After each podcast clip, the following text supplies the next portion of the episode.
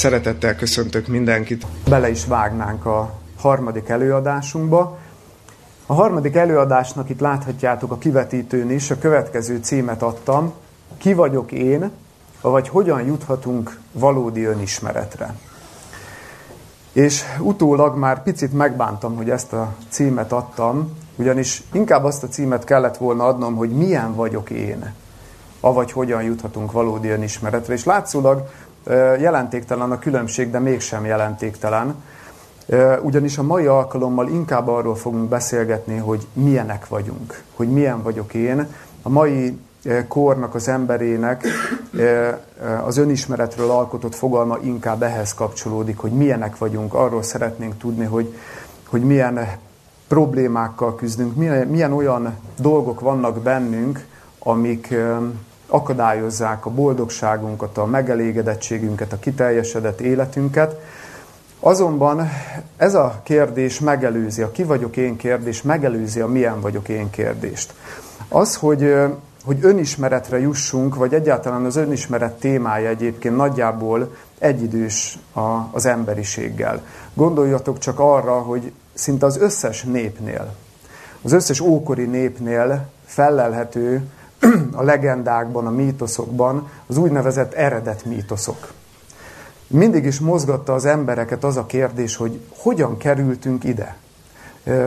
Mi, mi, mi az, hogy embernek lenni? Kicsoda az ember? És erre a kérdésre nem nagyon találták meg, de mindig próbálkozott az ember, hogy, hogy, hogy meghatározza, hogy honnan jön, hogy hova tart, hogy kicsoda ő, és Meggyőződésem, hogy amíg erre a kérdésre, hogy kicsoda az ember, vagy ki vagyok én, nem találunk választ. Hogyha nem járunk ennek alaposan és becsületesen utána, addig nem igazán lehet valódi önismeretre eljutni, vagy éppen el lehet jutni valamiféle önismeretre, csak kérdés, hogy reális lesz-e az az önismeret, vagy éppen egy torsz képet fog mutatni rólunk. Hadd világítsam meg ezt egy rövid, egyszerű példával kaptok egy zseblámpát valakitől ajándékba, vagy vesztek egy zseblámpát. És ez a zseblámpa kettő nap múlva elromlik.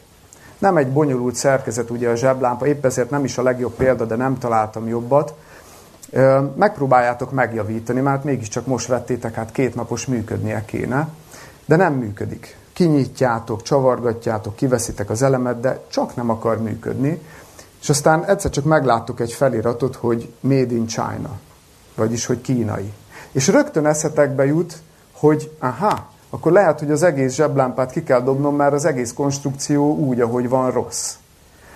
Aztán kaptok egy, vagy vesztek ebből a, az esetből okulva, vesztek egy, egy nagyon modern, egy nagyon minőségi japán zseblámpát, vagy németet, most mindegy, hogy miért mondanék, Vesztek egy, egy jó minőségű zseblámpát, adnak hozzá, mert mondjuk ahhoz jár használati útmutatás is, működési elveket leírják benne, és elromolhat ez a jó zseblámpa is, de mivel ott van a használati útmutató, ezért rögtön tudjátok, hogy mihez kell nyúlni, hogyan kell hozzányúlni. Hogyha el is romlott, akkor, akkor nem csak úgy elkezdünk kapkodni, hogy na vajon akkor hol romolhatott el, mi lehet a baja, hanem pontosan tudjátok, hogy akkor hol kell nekiállni a megszerelésnek, mivel látjátok, hogy csatoltak hozzá egy használati utasítást is. Na most hasonlóképpen, attól függően, hogy hogyan tekintünk magunkra, hogy milyen választ adunk arra a kérdésre, hogy kicsoda az ember, hogy ki vagyok én, azonképpen juthatunk mi is ilyen különböző utakra az önismeretben. Mert hogyha azt mondjuk, hogy mi a vak véletlennek a termékei vagyunk, egy, egy evolúciós termékek, akkor, akkor más önismereti úton fogunk elindulni, meg akkor is más utat fogunk követni, hogyha azt mondjuk, hogy mi egy teremtő Istennek vagyunk a teremtményei, és akkor megkérdezhetjük, hogy hol van a használati utasítás, és akkor meg is találjuk a választ, hogy, hogy az Isten, már bocsánat, hogy ilyen hasonlattal élek, de adott használati utasítást, hogy elromlottunk, valahol elromlottunk, de akkor hol kezdjünk neki a megjavításának? Hol kezdjünk neki az önismeretnek? Mert azért mégsem játszhatunk az életünkkel úgy, hogy, hogy ám mi csak egy ilyen gagyi kínai termékek vagyunk. És akkor mégsem dobhatjuk csak úgy ki magunkat. Szóval nagyon fontos ez a kérdés, hogy kicsoda az ember, ki vagyok én, de ebbe én most azért nem fogok belemenni, mert ez, ez nagyon mély teológiai vizekre evezne, vagy vinne minket, és éppen ezért most ebben nem szeretnék belemenni. De azért akartam ezt felszínre hozni, hogy ha ennek becsületesen valaki nem jár utána, és nem tisztázza ki az életében, akkor, akkor nem, nem biztos, hogy az önismerete az reális lesz, és a valóságot fogja tükrözni. Tehát éppen ezért fogunk azzal a kérdéssel inkább foglalkozni, hogy milyenek vagyunk.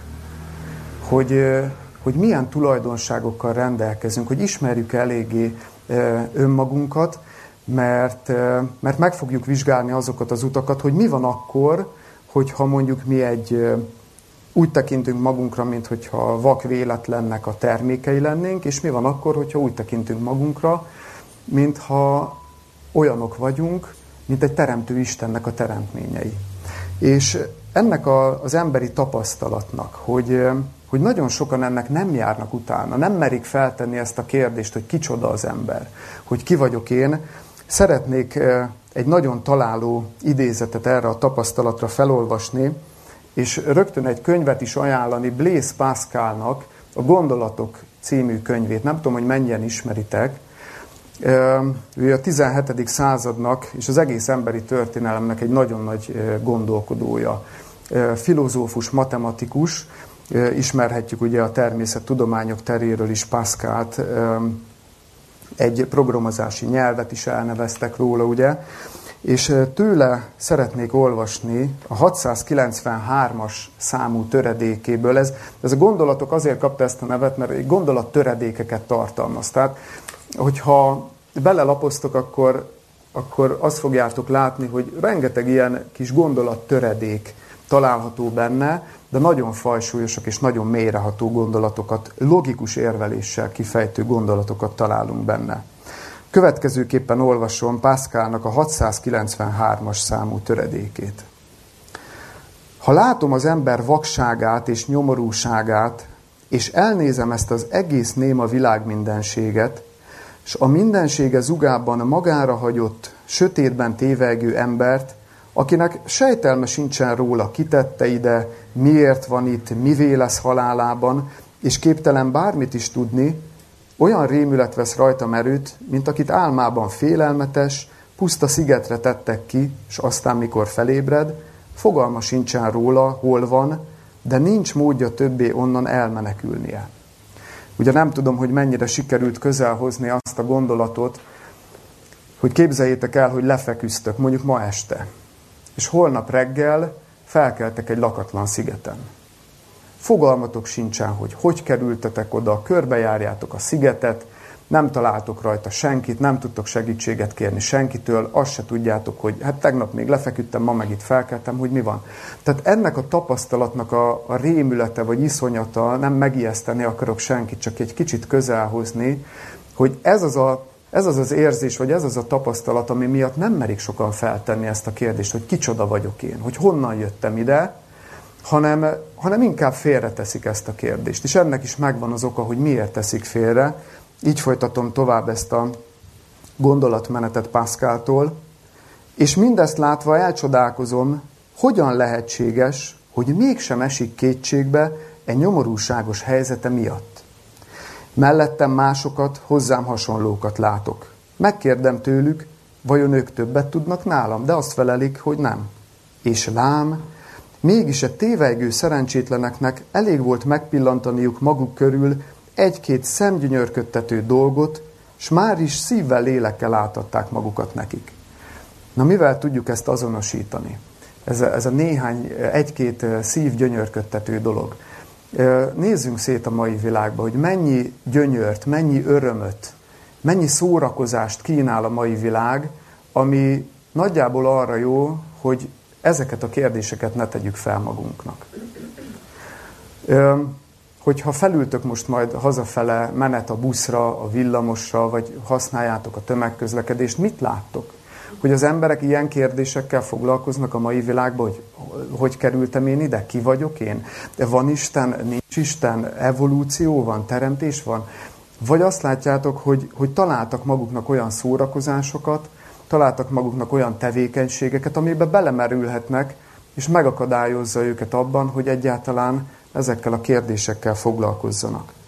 Így folytatja és befejezésképpen mondanám az idézet végét.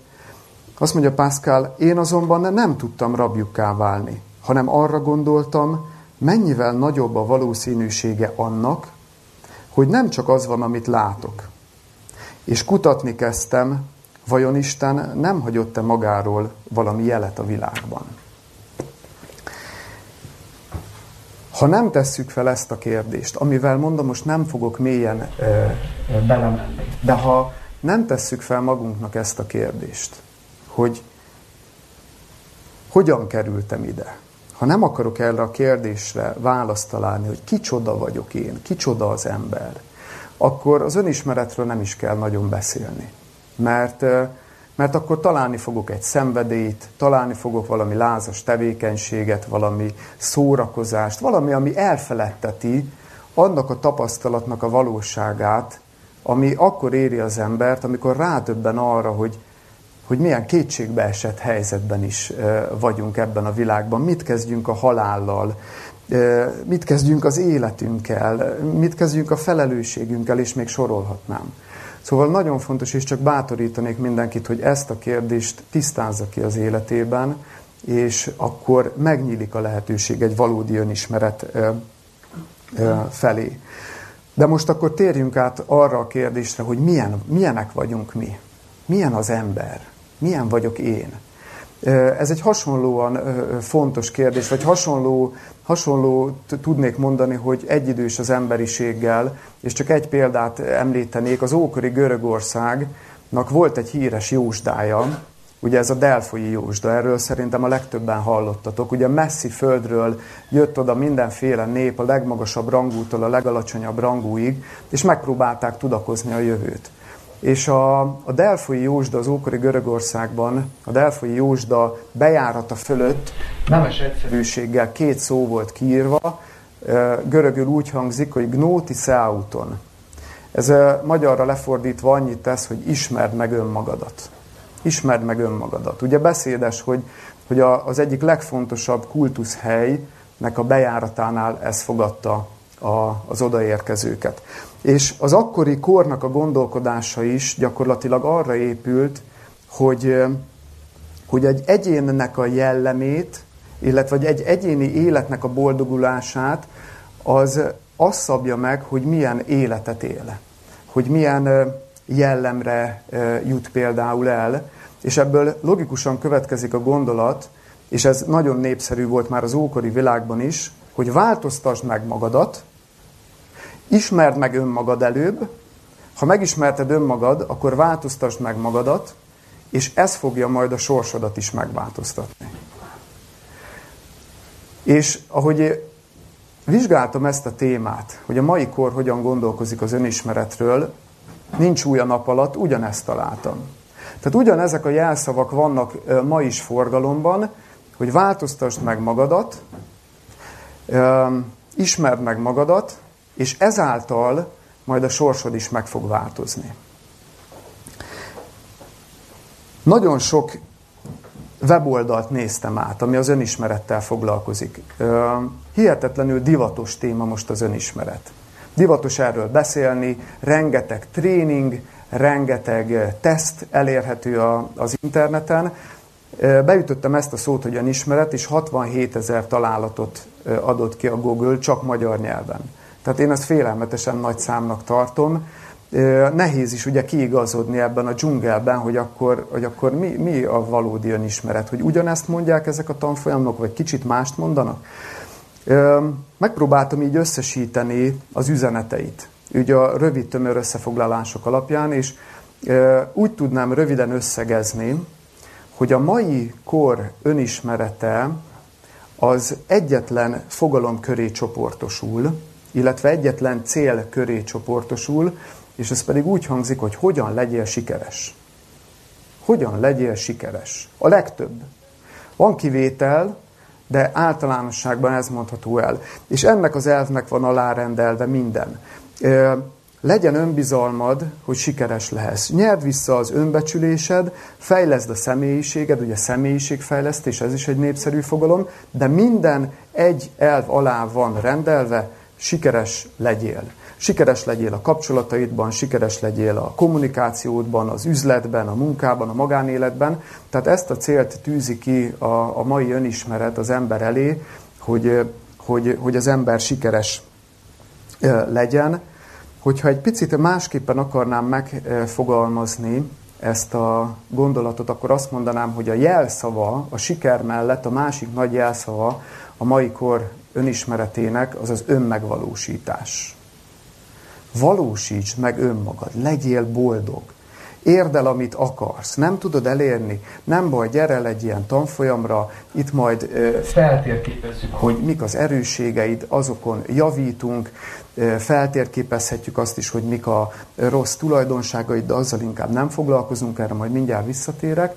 És a lényeg, hogy a tartsd a célon a szemed, legyél sikeres. Érd el, amit akarsz. Önmagában ezzel egyébként még azt mondom, hogy nem is lenne probléma, de mégis van vele egy probléma, de egy picit később szeretnék erről beszélni, és egy gondolatot azért itt megjegyeznék. Elkezdtem az egyik weboldalon kitölteni egy ilyen önismereti tesztet. Pár kérdés volt az egész, vége volt a kérdés sornak, felajánlotta a weboldal, hogy megtekinthetem az eredményt, rá is kattintottam a gombra, kihozott egy ilyen, szerintem nyilván egy ilyen sablon választ, hogy milyen vagy, ez mindig úgy kezdődik, hogy nagyszerű tulajdonságaid vannak, ilyen és ilyen vagy, ez szuper, de hogyha még többet akarsz megtudni magadról, akkor iratkozz be a tanfolyamunkba, ami most akciós áron csak 10 ezer forint per alkalom ez, e, ebbe úgy, úgy, csak úgy találomra úgy bele, bele, bele szaladtam, és nem minthogyha az ördögtől való lenne, hogy egy szolgáltatásért pénzt kérünk el. Tehát nem ezt akarom mondani, csak egy picit azért nekem gyanúsá vált ez a, ez a fajta metódus. Abban biztos vagyok, hogy, hogy ez a cég sikeres lesz ennek a módszernek a kapcsán, hogy én mennyire leszek tényleg sikeres, én ezt már a magam tapasztalatával megkérdőjelezném, de most nem ostorozni akarom nyilván ezeket a, a, a, a dolgokat, mert sok jó gondolat is van benne, csak, csak nekem itt egy picit azért már gyanúsá vált ez a, ez a módszer. Hadd olvassak fel egy jellemző mondatot, így az önmegvalósítás kapcsán, meg a sikeresség kapcsán, hogy, hogy, hogy a mai ideológia, vagy a mai korszellem ugye abból indul ki leginkább, visszakanyarodva a gondolatmenetünk elejére, hogy, hogy mi csak így itt vagyunk valahogy. Így ide, ide kerültünk, leginkább ugye az evolúció, amiben nagyon sokan hisznek, és ebből fakadóan nem is csoda, hogy ilyen gondolatok ö, ö, jönnek fel ö, az önismeret kapcsán is, a következőképpen hangzik. Ezt is az egyik ö, weboldalról vettem, de szinte bármelyikről szedhettem volna. Következőt mondja, az emberben megvan minden, amire szüksége van. Ha úgy gondolja, hogy nincs meg, az azt jelenti, hogy még nem szabadította fel a benne szunnyadó potenciált. Ez egy nagyon tipikusan jellemző kortünet, amit egyébként a humanisztikus pszichológia is nagymértékben elterjesztett, hogy az ember alapvetően jó. Nincsen velünk olyan nagy probléma, Bennünk van a jó, bennünk van a jóság, de ezt elő kell hozni. És az önismeret nem szól másról, ebből a gondolatból fakadóan, ebből a, az ember antropológiájának, tehát az ember felépítettségének a gondolatából fakadóan, nyilván arról szól a dolog, hogy csak a megfelelő körülményeket kell biztosítani az ember számára, az önismereti tréningen is, és akkor, akkor előjön majd ez a jó, és akkor megváltozik szépen az életünk. Így ezt mondja például egy, egy, megint csak egy jellemző dolog.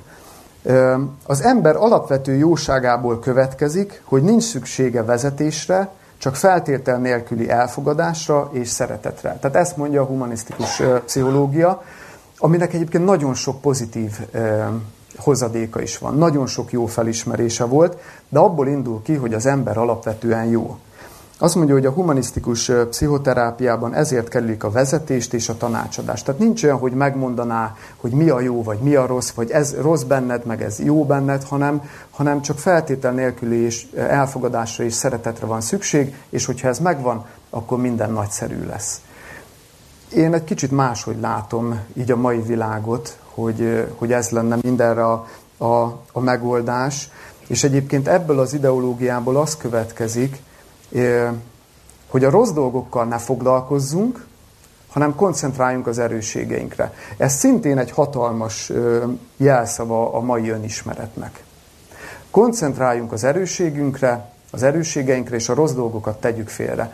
Emlékszem, hogy egyszer egy, egy hozzám közel álló ember, aki, aki mélyen benne volt ezekben a dolgokban, önismeret, meg mindenféle ilyen lelki dolgokhoz úgy volt rálátása, egyszer azt mondta nekem, hogy így az önismeretről beszélgettünk, hogy hát figyeld, nézd meg, vegyünk mondjuk egy színészt, vagy vegyük a híres embereket, hogy nézd meg, hogy, hogy dicsőíti őket a világ, sikeresek a szakmájukban, sikeresek az életben, de miért?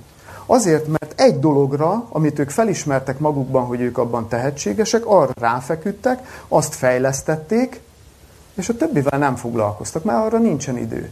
És nézd meg, lehet, hogy az életük olyan, amilyen, de ott vannak a világ tetején, ott vannak a középpontban, sikeresek, boldogok, hát mi kell lennél több? És mondta nekem, hogy te se foglalkozzál a gyengeségeiddel, ne arra tekint, ne tekintsél. Mi benned a jó, arra koncentrálj, azt fejleszed, és akkor sikeres leszel, és akkor boldog leszel. Csak én meg visszakérdezek, hogy, hogy, hogy nem visszás egy picit az, hogy, ha megnézzük egy picit mélyebben ezeknek az embereknek az életét.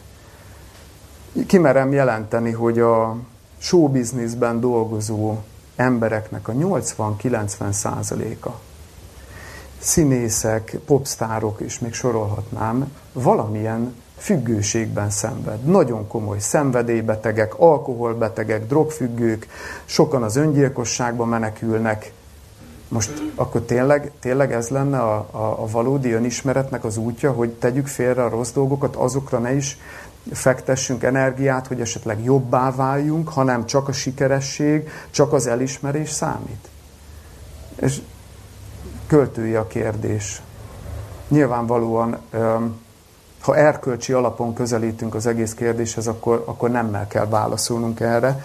És itt szeretnék rögtön egy egy reményt adó üzenetet e, tolmácsolni felétek, ugyanis a Biblia önismerete, a Bibliában az önismeretről szóló tanítás az ennek pontosan az ellenkezőjét állítja. Azt állítja, hogy ahol a leggyengébb voltál, ott lehetsz a legerősebb. Nem kell elkeseredni, hogyha félénk vagyok. Hogy mi lesz majd, hogy hogyan fogok én tudni emberekkel kapcsolatot teremteni. A Biblia azt mondja, hogy ahol a leggyengébb vagy, ott lehetsz a legerősebb. Ha valaki nekem pár évvel ezelőtt azt mondja, hogy én emberekhez fogok beszélni, ilyen sokhoz ráadásul, akkor én azt megmosolygom magamban, mert úgy képzeljétek el, hogy amikor nekem már csak három ember elé ki kellett állni, akkor így, mint a kocsonya, és még a hangom is. Vagy amikor, lehet, hogy ezt a példát már hoztam a múltkor, múlt alkalommal, hogy amikor ilyen táborokban voltam, és jött a bemutatkozó kör, ahol csak annyit kellett mondani, hogy ki vagyok, honnan jöttem, miért vagyok itt. És még tíz emberrel előttem volt a sor, és már gyomorgörcsön volt, hogy hogy fogom azt a két mondatot elmondani. És nekem megtanította az Isten, hogy ott lehetek a legerősebb, ahol a leggyengébb voltam. És éppen ezért én ebben mélyen hiszek, és, és látok, látok ilyen példákat magam körül is, de vegyük a bibliai példát is, mert nem, nem csak a tapasztalatok számítanak, hanem, hanem a tapasztalatok és a, a, az írás bizonyságtétele. Ott van Mózes példája. Mózes, aki egy indulatos ember volt. Hirtelen haragból megölt egy, egy egyiptomi munkafelügyelőt. Ezt ma ugye úgy tituláljuk, hogy hirtelen haragból elkövetett emberölés.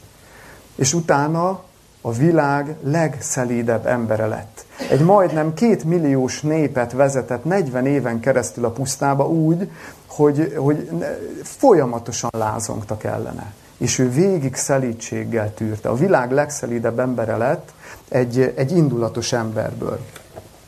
És itt szeretném azt is megelőlegezni, hogy, vagy nem is annyira megelőlegzés, hanem, hanem kimondani, hogy az önismeretnek a valódi célja az nem az, hogy félretegyük a rossz dolgainkat, hogy ne nézzünk szembe azzal, hogy mi lakozik bennünk, vagy hogy milyenek vagyunk, hanem ennek pontosan az ellenkezője. Hogy nézzünk szembe a hibáinkkal, nézzünk szembe a jellembeli fogyatékosságainkkal, nézzünk szembe a rossz szokásainkkal, mert minden gyógyulásnak az első számú feltétele micsoda? A beismerés. Amíg én nem ismerem el, hogy beteg vagyok, elmegyek az orvoshoz. Egy egyszerű nátha esetében, ah, ez csak egy kis megfázás. Lehet, hogy már 39 fokos lázam van és tüdőgyulladásba szenvedek, de büszke vagyok, hogy ah, csak egy megfázás. Amíg nem ismerem be, hogy beteg vagyok, addig nem, nem kérek segítséget, nem megyek addig az orvoshoz. Ez a lelki betegségeknél sincsen e, másképp. És hadd hozzak egy nagyon friss, személyes példát. Ugye két héttel ezelőtt arról volt szó, hogy hogyan lehet jól szeretni. És úgy örültem, hogy olyan élő beszélgetés volt utána. Majdnem egy óráig itt maradtunk, és, és tényleg szóval mélyebbnél mélyebb kérdéseket tettetek fel. És ugye amikor vége volt az előadásnak, akkor olyan jó érzésem volt nekem is, hogy, hogy, hogy fel, sikerült felpiszkálni valamit, és, és egy interaktív beszélgetés alakult ki. Előadás után hazamentünk, lefeküdtem. Másnap reggel felkeltem, és egy teljesen jelentéktelen incidens történt a feleségemmel. Én csütörtök reggelre egy találkozót beszéltem meg valakivel. És pont arra az időpontra beszéltem meg, amikor a feleségemet ki kellett vinnem a vonatállomáshoz, mert ment be dolgozni Budapestre, és ez pont ütközött. Elfeledkeztem róla. És lementem, hogy találkozzam ezzel az emberrel, és mondtam, hogy 5-10 perc, és itt vagyok, kiszaladok, jövök vissza. Mondta, hogy nem tudja megvárni, 16 címe van, gázszerelő volt, 16 címe van, mennie kell. És ugye elkezdtem bosszankodni, és most megint majd időpontot egyeztetni, semmiség az egész, de úgy ingerült lettem egy picit. Az én hibám volt, de hát kire másra, ha nem a feleségemre vetítettem volna ki ezt a, ezt a hibát és az ingerültségemet.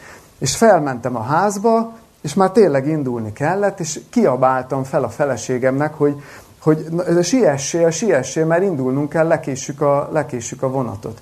És mondta, hogy jó, jó, de még a kulacsát a vízzel be kell raknia, és nem találja. Nem mondom, ott van, én tettem oda, a polcra. De mondta, hogy nincsen a polcon. És közben ugye ez azért is volt nehéz, mert nem is nagyon értette, hogy mit mondok, mert közben hogy nem nagyon jutott el a hangoda, csak úgy, úgy félig meddig. És mondta, hogy de nincs itt, de mondom, ott kell lennie. Hát ott kell lennie, és különben is siessél már, már elkésünk. És úgy egyre paprikásabb lettem.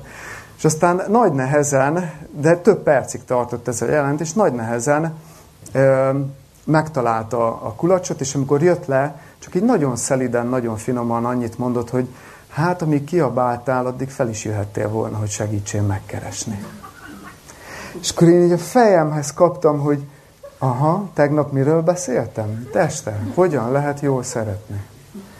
Hogy amit akartok azért, hogy az emberek veletek cselekedjenek, aképpen cselekedjétek ti is ővelük.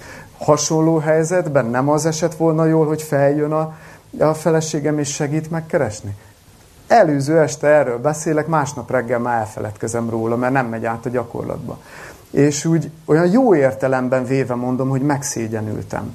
Mert rámutatott a, az Isten, hogy beszélhetek én szép nagy szavakat, meg lehet, hogy elméletben nagyon okos vagyok, de mi van a gyakorlattal?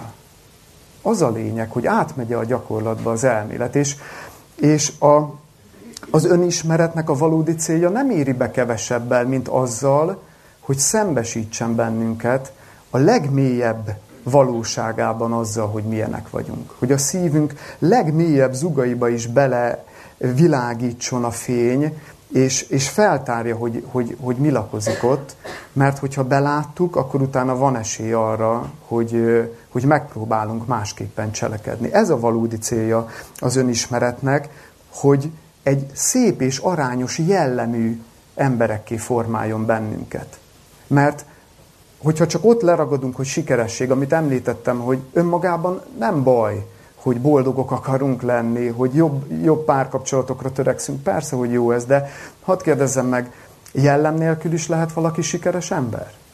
Hogy ne lehetne? Szétnézünk a világban, és, és sok ilyen embert látunk, hogy sikeres. Sikeres a munkájában, anyagi értelemben, bármilyen értelemben, de jellem nélkül. És emlékeztek, hogy mind az első előadáson mit kezdjek az életemmel, ezt emeltük ki, hogy ha nem a jellemépítésre épül az életcélok meghatározása, akkor törvényszerű, hogy valamerre félre fogunk menni, és a második előadásnál, a hogyan lehet jól szeretni, szintén arra vezettük ki az előadást, hogy ha, hogy mi vagyunk a legnagyobb akadályai. A mi önzőségünk, a mi gonoszságunk, hogy még erősebb szót használják, a legnagyobb akadálya annak, hogy nem tudjuk a másikat igazán szeretni és jól szeretni. Ugyanez jön elő az önismeret kérdésénél is. Ha az önismeretnek nem az a célja, hogy szép, arányos, becsületes jellemű emberekké váljunk, akkor, akkor valahol félre fog menni. Persze, nyilván attól függ, hogy mit tekintek mércének. Mert hogyha a világ szerint való sikerességet tekintem mércének, akkor is elmetek egy önismereti csoportra, és lehet, hogy sikeres leszek. Kérdés, hogy mi az én mércém? Hogy az erkölcsi tökéletesség felé, az erkölcsi jellembeli fejlődésre teszem a hangsúlyt, vagy a saját önző vágyaimnak a, az elérésére és kielégítésére. De nézzük meg, hogy hogyan is próbálja az ember, hogyan, hogyan próbálkozott az ember önismeretre jutni. Most tényleg attól függően, hogy hogy tekint magára, hogy Istentől teremtettek vagyunk, vagy evolúció, vagy a kettőnek a keveréke. A történelemben azt lehet látni, hogy kétféle út van. Tehát kétféle úton próbálkozik az ember megismerni önmagát. Az egyik út az, és az egyik csoport azt mondja, hogy vonuljunk félre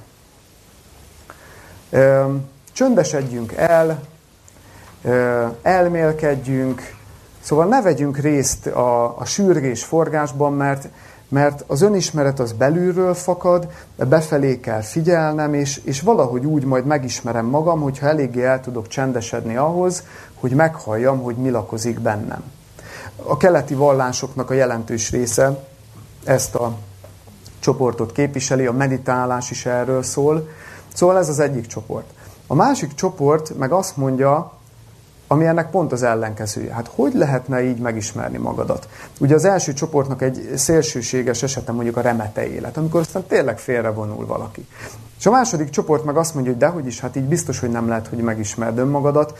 Hát, hogyha nem szembesülsz a, a társas kapcsolataidban azzal, hogy milyen vagy, akkor hogyan ismerhetnéd meg magad? Azért, hogyha magányos vagy, akkor úgy becsaphatod magad, de azért az interakciók, a személyes kapcsolatok azok egy tükröt tartanak. Na most hadd kérdezzem meg, tehát ez a két nagy csoport van. Hadd kérdezzem meg, hogy szerintetek a kettő közül melyik az, amelyik valódi önismerethez vezet? Ti melyik, melyik csoportba tartoztok, vagy melyikre szavaznátok inkább? Tehát inkább a második. Ki, ki szavaz az elsőre?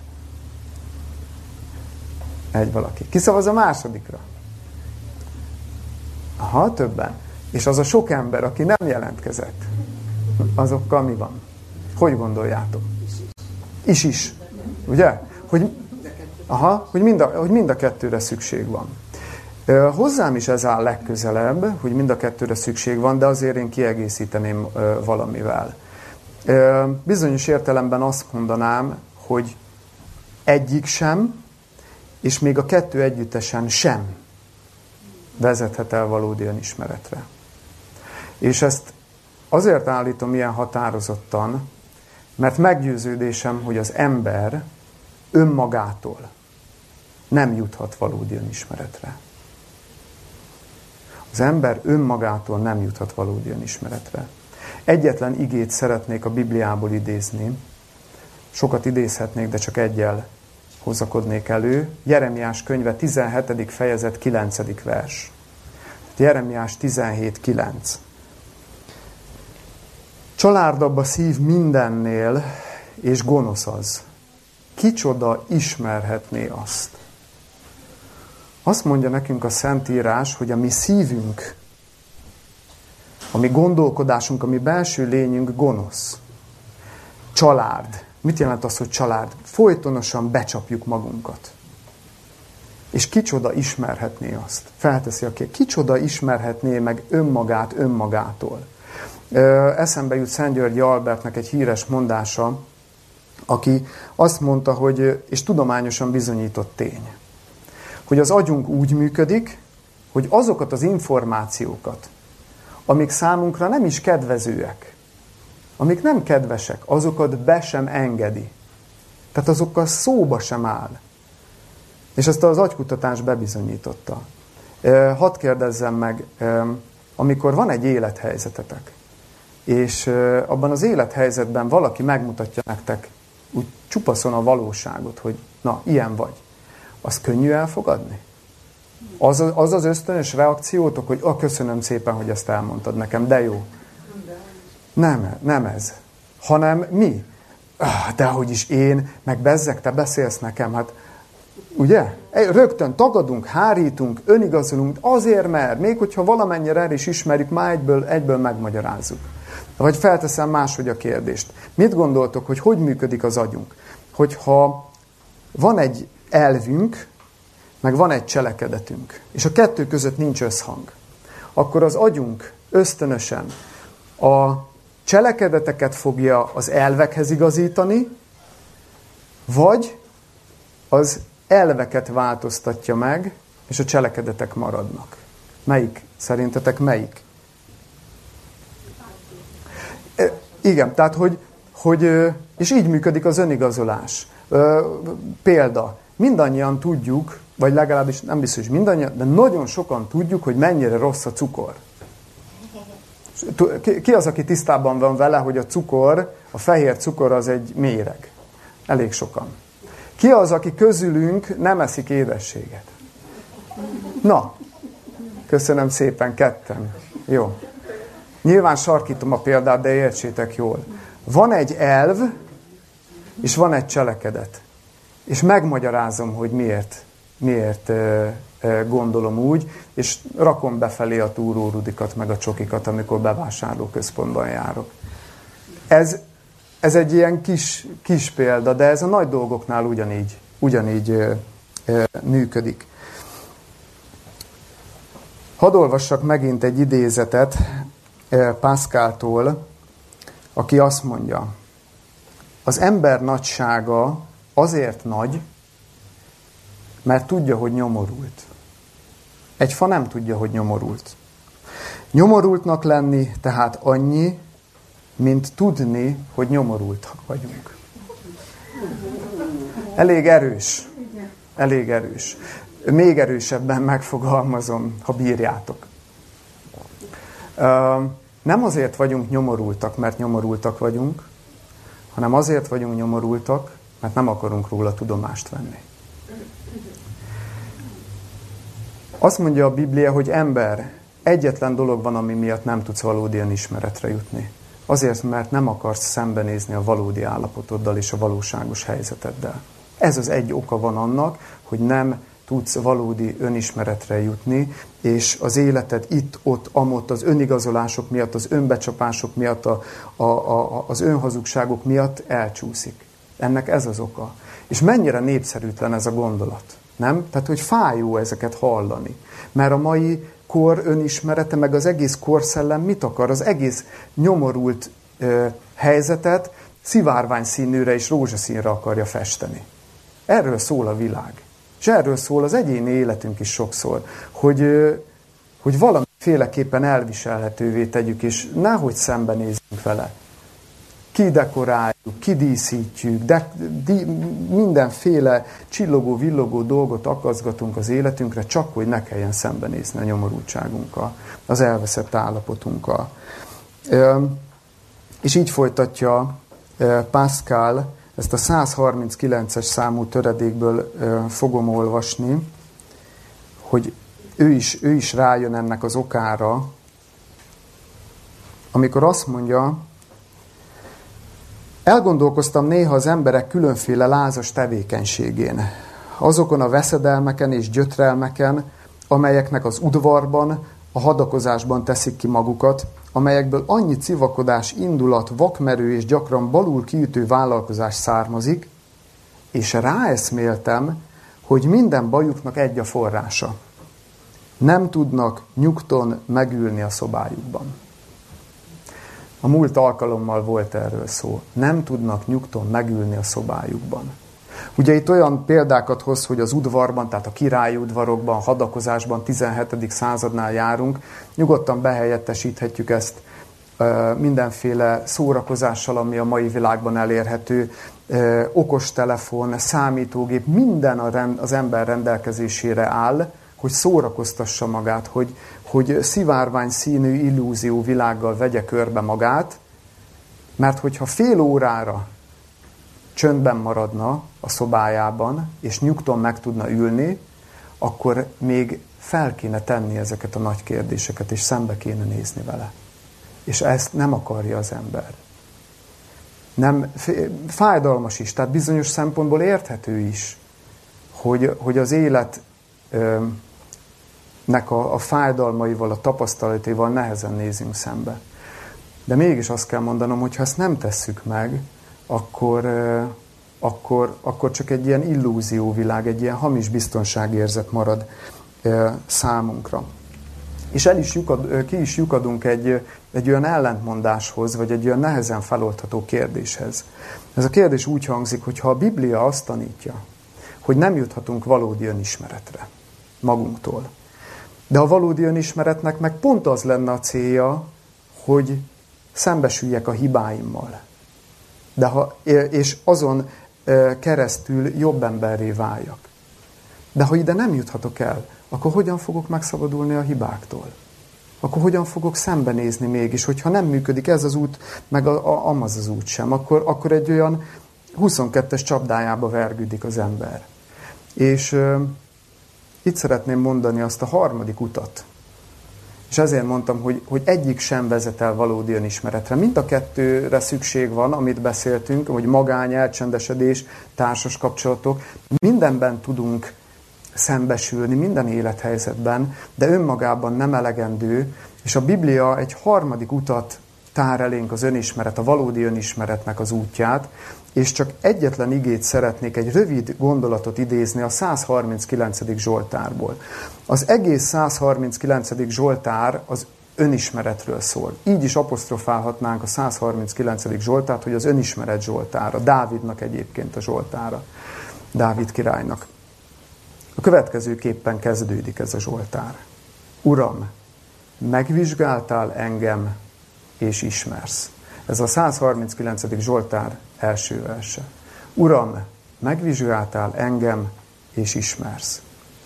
Azért örömhír ez, és azért nagy dolog, mert azt állítja, hogy van valaki ebben a világban, aki tökéletesen ismer bennünket. Aki részrehajlás nélkül, hazugságok nélkül meg akarja mutatni, hogy kik vagyunk.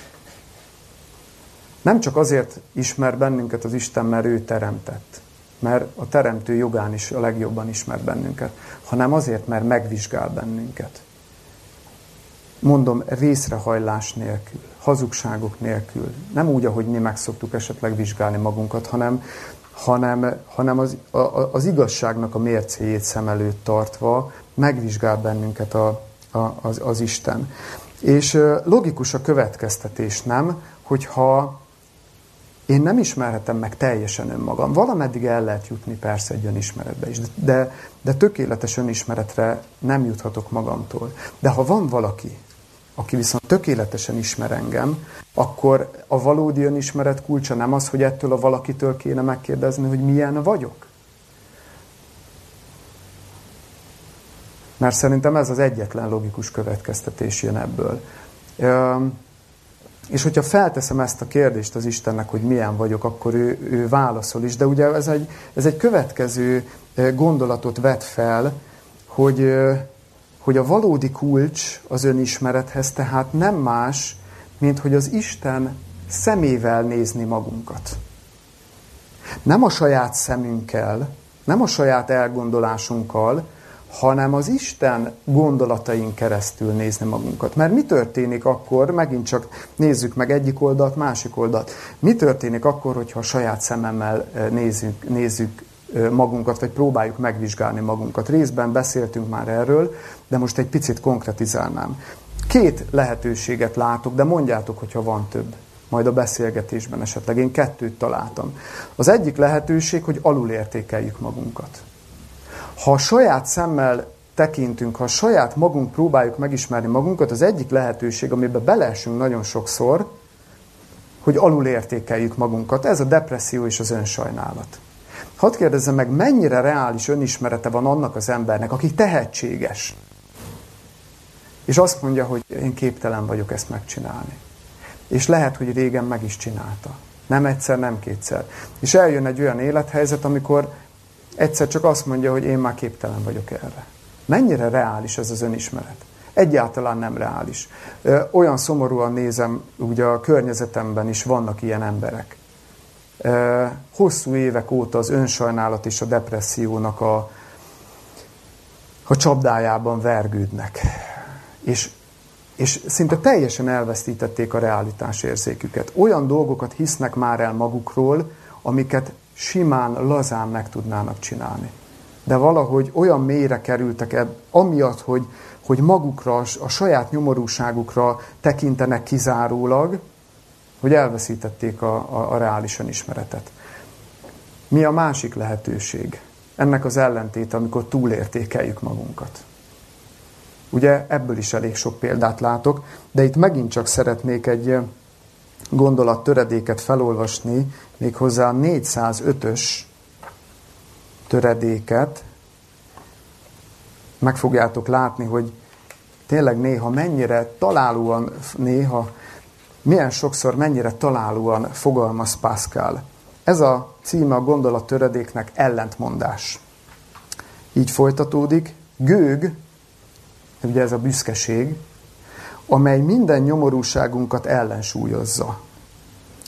Mert vagy elleplezi őket, vagy felfedezi, és akkor meg azzal kérkedik, hogy tisztában van velük. És ez ugyanabból fakad.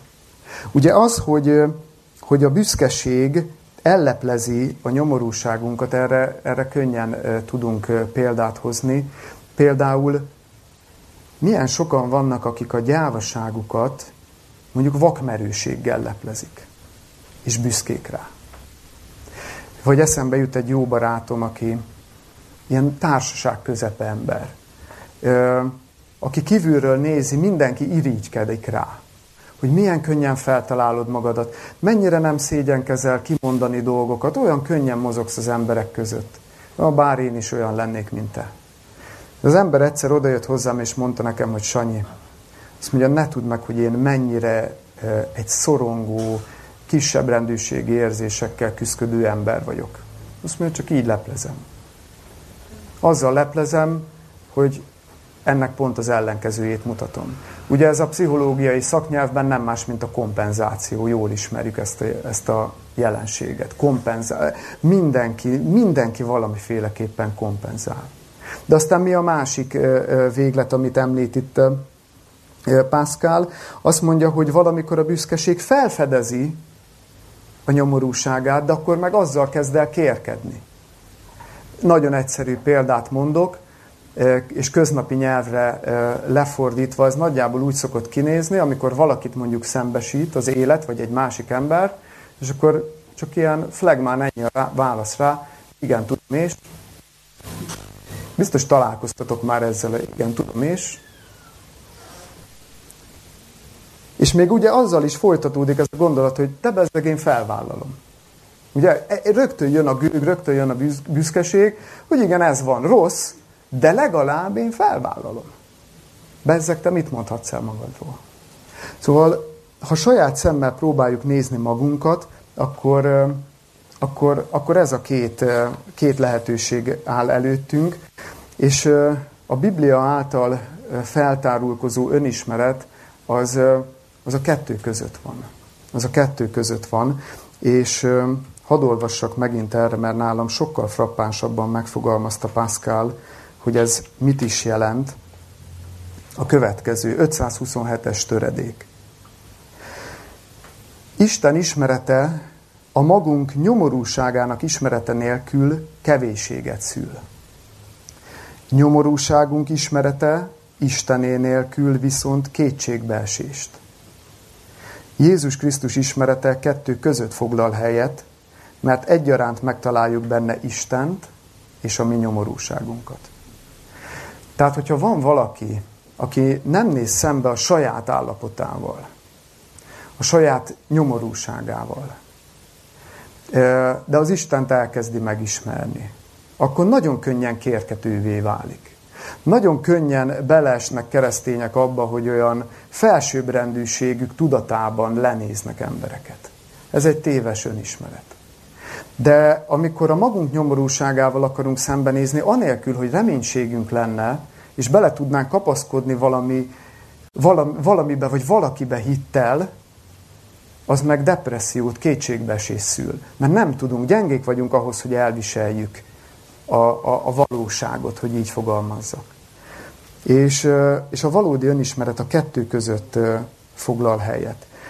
És rögtön adódik is a gondolat, hogy ha az Isten szemén keresztül, vagy a Biblián keresztül próbáljuk megismerni magunkat, vagy az Isten gondolatain keresztül, pontosabban így fogalmaznék, akkor, akkor honnan ismerhetném meg én Istennek a felőlem való gondolatait? Hogyan tudom én a gyakorlatban megvalósítani azt, hogy ne önmagam tekintsek magamra, hanem valahogy úgy lássam magamat, ahogy az Isten lát engem. És, és nekem nagyon egyszerű erre a válaszom, az Isten megfogalmazta a gondolatait, a felülünk való gondolatait ebben a könyvben. És részrehajlás nélkül reálisan mindent leír rólunk. A rosszat is, meg azt is, hogy mivé válhatunk általa. Kierkegaardnak van egy gyönyörű hasonlata, hogy, hogy ezeket a gondolatokat hogyan tehetjük magunkévá. Azt mondja, hogy a egyes egyházakban, és ő néven is nevezi, hogy a katolikus egyházban a Biblia, hogyha ezt egy tükörhöz hasonlítjuk. Azt mondja, hogy a Biblia, az, hogyha bemegyünk egy, egy otthonba, egy katolikus otthonba, akkor a Biblia az a bejárati ajtó fölötti sarokban ott jó magasan van elhelyezve. Olyan magasan, hogy, és olyan helyen, hogy bemegyek és vagy nem látom, vagy hogyha valamiért oda is tekintek, olyan messze van, hogy nem látom meg benne önmagamat. Azt mondja, a protestáns egyházban egy kicsit más a helyzet, bemegyünk egy protestáns otthonban, ott már a Biblia központi helyen van, az előtérben, szépen odarakva a középpontban. Mindenki oda mehet elé, mindenki belenézhet. De azt mondja, hogy a protestáns egyházakban meg, meg a tükör, ez körbe van véve mindenféle ilyen díszítésekkel, ilyen cirádákkal. És amikor odalépünk elé, akkor nem a tükörbe nézünk bele, hanem nézzük, hogy milyen szép a díszítés. És, és elfeledkezünk arról, hogy ő mit akar mondani nekünk. Hanem azzal foglalkozunk, hogy ez a, ez a díszítés, ez milyen. Ez, a, ez egyébként, ez a cirádás díszítés, ez nem más, mint, mint a, a protestáns teológia, és én is végeztem ö, egyetemet protestáns teológián. Semmi másról nem tanultunk, mint arról, hogy XY mit mondott erről, erre ugyan reagált YY, és az a kimondta kiről, hogyan, ból tevődik össze a teológia. De hogy az Isten mit mond rólunk, arról nem volt szó. Két éven keresztül. Egy szó nem esett erről. Azt mondja, van egy harmadik út. Itt is van egy harmadik út. Hogy hogyan lehet az Isten gondolatai keresztül megismerni magunkat. Azt mondja Kierkegaard, hogy, hogy az jut el valódi önismeretre, aki a Bibliát úgy veszi kézbe, mint az Isten szerelmes levelét. Amikor szerelmes levelet kaptatok, gondoljatok vissza, szerintem a legtöbben kaptunk szerelmes levelet. Hogy vettük kézbe? Alig vártuk már, hogy na végre kinyithatom. El, elbújtunk a szobába, hogy ne zavarjon meg most bennünket semmi, és huszadjára is ugyanazzal a lelkesedéssel nyitom. Még egyszer el akarom olvasni, meg még egyszer. Azt mondja Kierkegaard, ha így nyitjuk ki, akkor valódi önismeretre e, juthatunk. És egyébként Kierkegaard is ezt a hasonlatot, ezt magából a Bibliából veszi, és itt szeretnék is felolvasni egy ige szakaszt. Jakab levele, első fejezet 23-től a 25. verséig terjedő szakaszt olvasom, tehát Jakab levele első fejezet 23.-25. vers, és azért olvasom fel, hogy rádöbbenjünk arra, hogy tényleg mi az embernek a legnagyobb akadálya, hogy, hogy, hogy valódi önismeretre jusson. Így hangzik ez a szakasz. Mert ha valaki, mert ha valaki hallgatója az igének, és, és nem megtartója, az ilyen hasonlatos ahhoz az emberhez, aki tükörben nézi az ő természet szerinti ábrázatát. Innen a tükör hasonlat. Mert megnézte magát, és elment. És azonnal elfelejtette, milyen volt.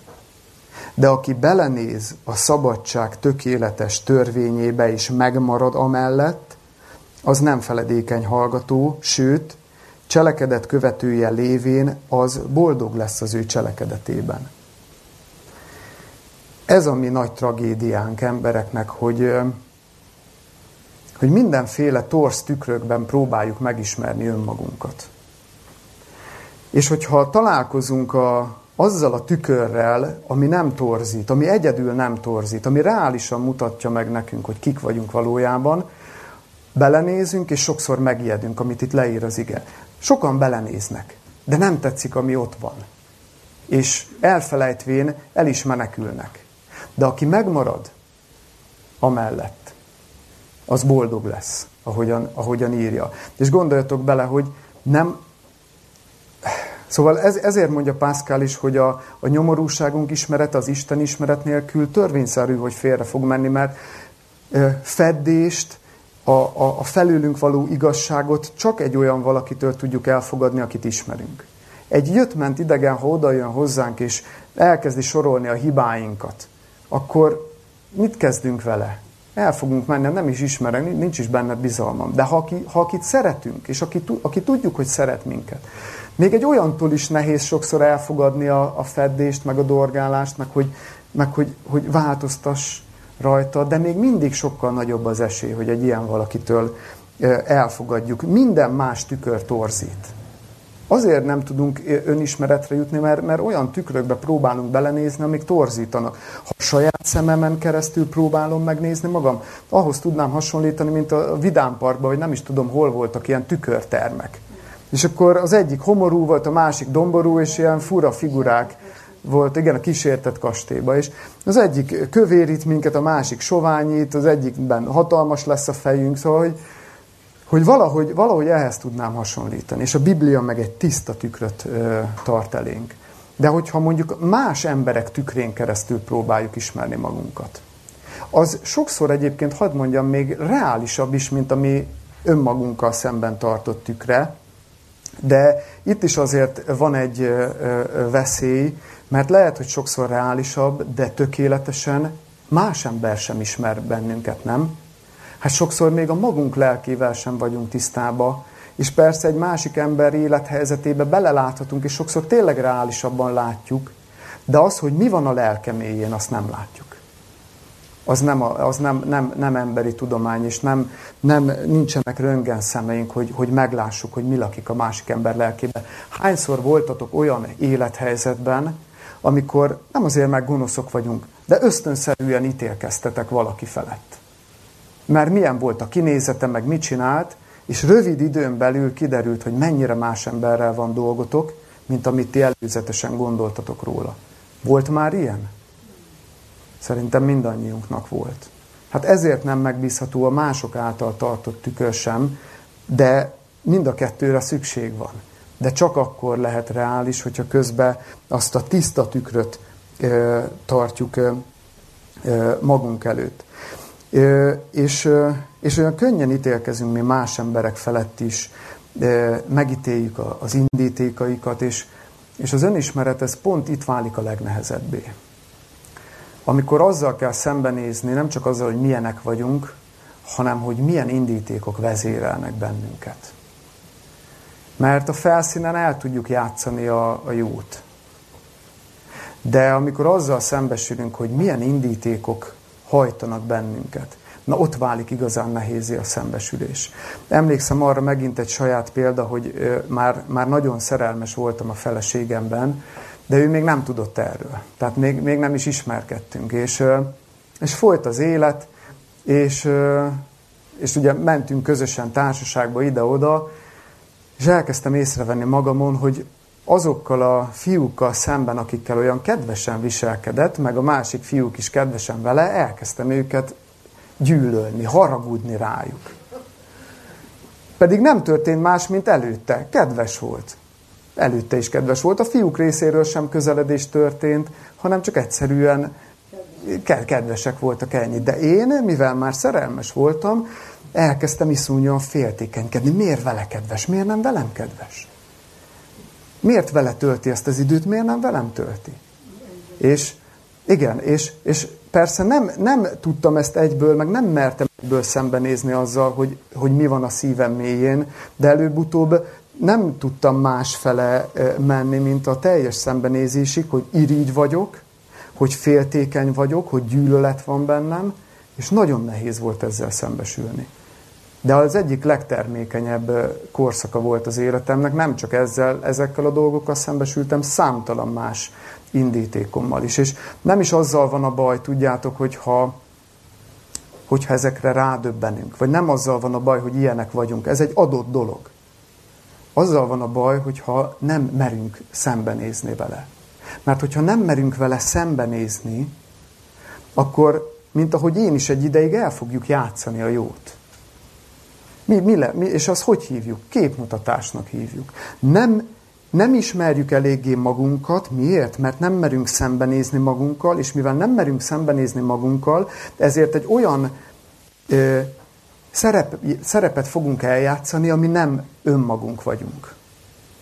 Na és éppen ezért fogjuk majd a következő előadás alkalmával azt a témát boncolgatni, hogy hogyan lépjünk ki a szerepekből, avagy a megfelelési kényszertől hogyan szabaduljunk meg. Mert az itt az indítékok szintjén dől el. És már abba is, hogy megfelelési kényszer. Tehát, hogy kényszeresen mások véleményétől tesszük függővé, hogy hogyan viselkedünk, hogy milyen szerepet játszunk el, már ez is rámutat arra, hogy ez sokszor nem tudatos, hanem csak ösztönösen megy. És pont ez a félelmetes is benne, hogy ebből hogyan lehet kiemelkedni, hogyan, mi, mi lesz az, ami, ami rámutat arra, hogy ember, eh, hagyd abba és vállalt fel önmagadat úgy, ahogy vagy. De ehhez ismerni kell előbb magadat.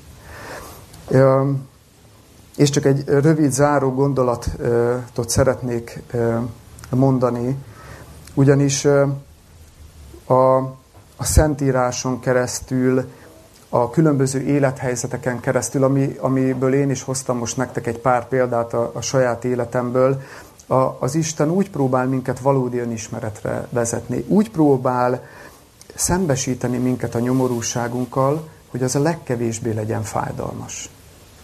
És ez megint óriási ellentétben van azzal, ahogyan mi próbáljuk ezt sokszor egymással szemben gyakorolni. Mert mi vagy majom szeretettel szeretjük a másik embert, és viszonyulunk hozzá, jaj, ó, nem is mondom ezt neki, mert akkor konfrontáció lesz, nem, nem is, inkább, inkább nem, vagy azt mondom, hogy jó, ne foglalkozz vele, és úgy tutulgatom, megszeretgetem, vagy ez az egyik útja, vagy a másik útja, amikor ilyen rideg igazságossággal jól megmondom neki, hogy na már pedig te milyen egy utolsó önző fráter vagy.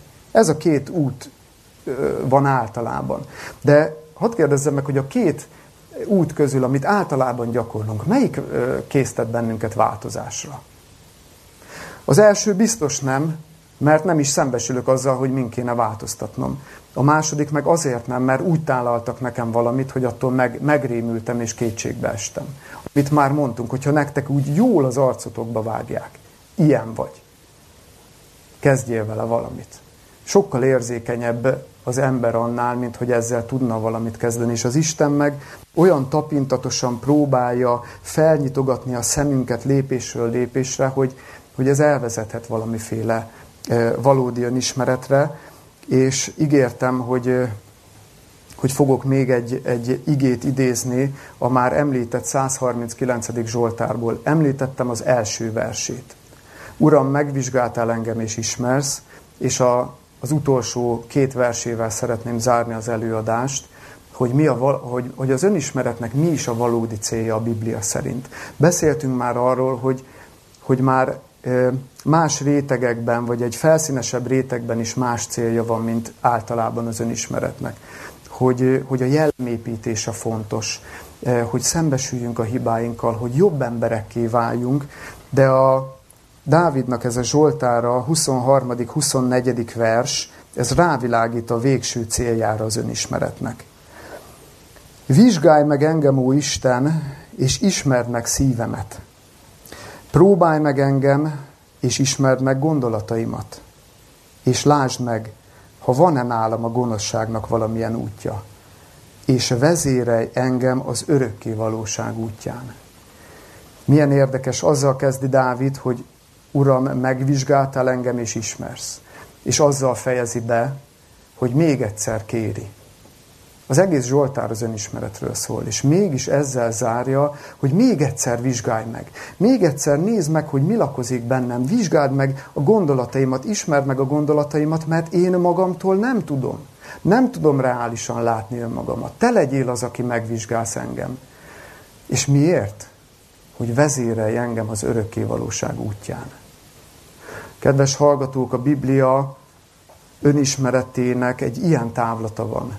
Az örökké valóságig akar elvezetni minket az önismereten keresztül, a jellemépítésen keresztül. A Biblia valóságként beszél az örökké való életről, de oda feltétel is van a bejutáshoz. De ez a feltétel nem az, hogy milyen egyháznak a tagjai vagyunk, milyen hatalmas jó cselekedeteket hajtunk végre, nem ezek a feltételek. Egyetlen próbaköve van az örök életnek, hogy milyen jellemű emberekké válunk ebben az életben, abban az időben, ami adatik nekünk. És ez a Biblia önismeretének a valódi és végső célja, hogy olyan jellemű embereket formáljon belőlünk, ami kiállja majd az örökké valóság próbáját. Én idáig szerettem volna eljutni, és köszönöm szépen a figyelmet, itt be is fejeznénk az előadás részét. Kettő hét múlva, ugyanezen a helyen, ugyanebben az időben várunk mindenkit szeretettel, a megfelelési kényszerről lesz szó, hogyan lépjünk ki a szerepekből, hogyan hagyjuk magunk mögött ezt a, ezt a borzalmat, vagy hadd mondjam így, hogy ne emberek véleményét tegyük meg az életünk központjának, és ne hozzájuk akarjuk igazítani, hogy mi milyenek vagyunk, hanem, hanem, hanem felszabadultan élhessük az életünket, vállalva önmagunkat úgy, ahogy, ahogy vagyunk, erről lesz majd szó következő alkalommal.